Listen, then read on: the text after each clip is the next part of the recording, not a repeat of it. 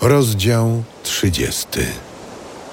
A teraz śmieją się ze mnie wiekiem ode mnie młodsi.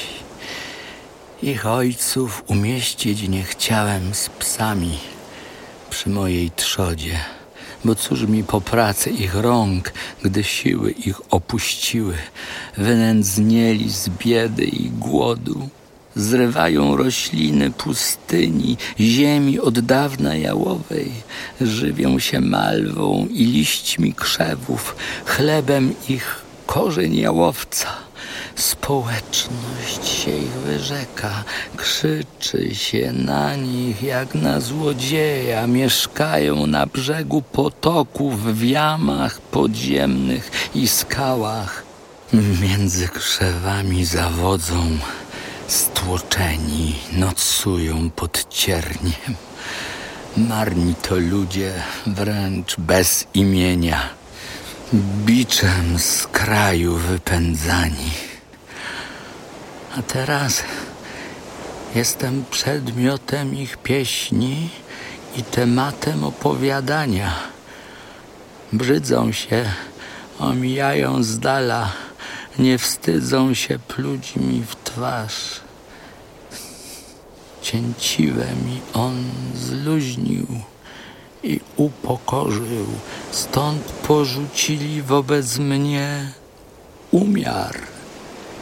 Motłoch stanął po prawej mej stronie, nogom moim odejść kazali, na zgubne skierowali mnie ścieżki.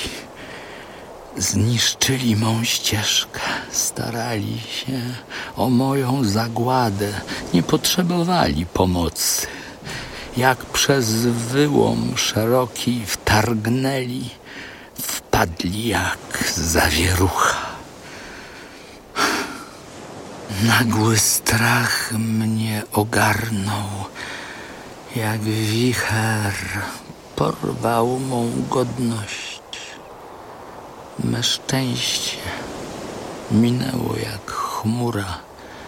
We mnie rozpływa się dusza. Zgnębiły mnie dni niedoli. Nocą kości we mnie, przebite bólem, cierpienia moje nie usypiają. Z wielką mocą on mnie trzyma za szatę, ściska jak otwór tuniki. On strącił mnie do błota. Podobny jestem do prochu i popiołu. Ciebie błagałem o pomoc. Bez echa stałem nie zważałeś na mnie. Stałeś się dla mnie okrutny. Uderzasz potężną twą ręką, porywasz mnie jak wóz unosi mnie wicher. Wśród burzy mnie zatapiasz. Wiem, że mnie prowadzisz do śmierci wspólnego miejsca żyjących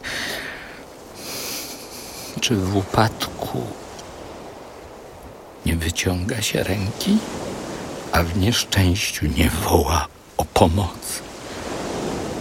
Czy nie płakałem z udręczonym w życiu? Współczuła z biedakiem ma dusza.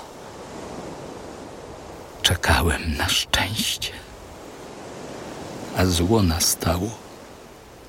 Szukałem światła a nastał mrok.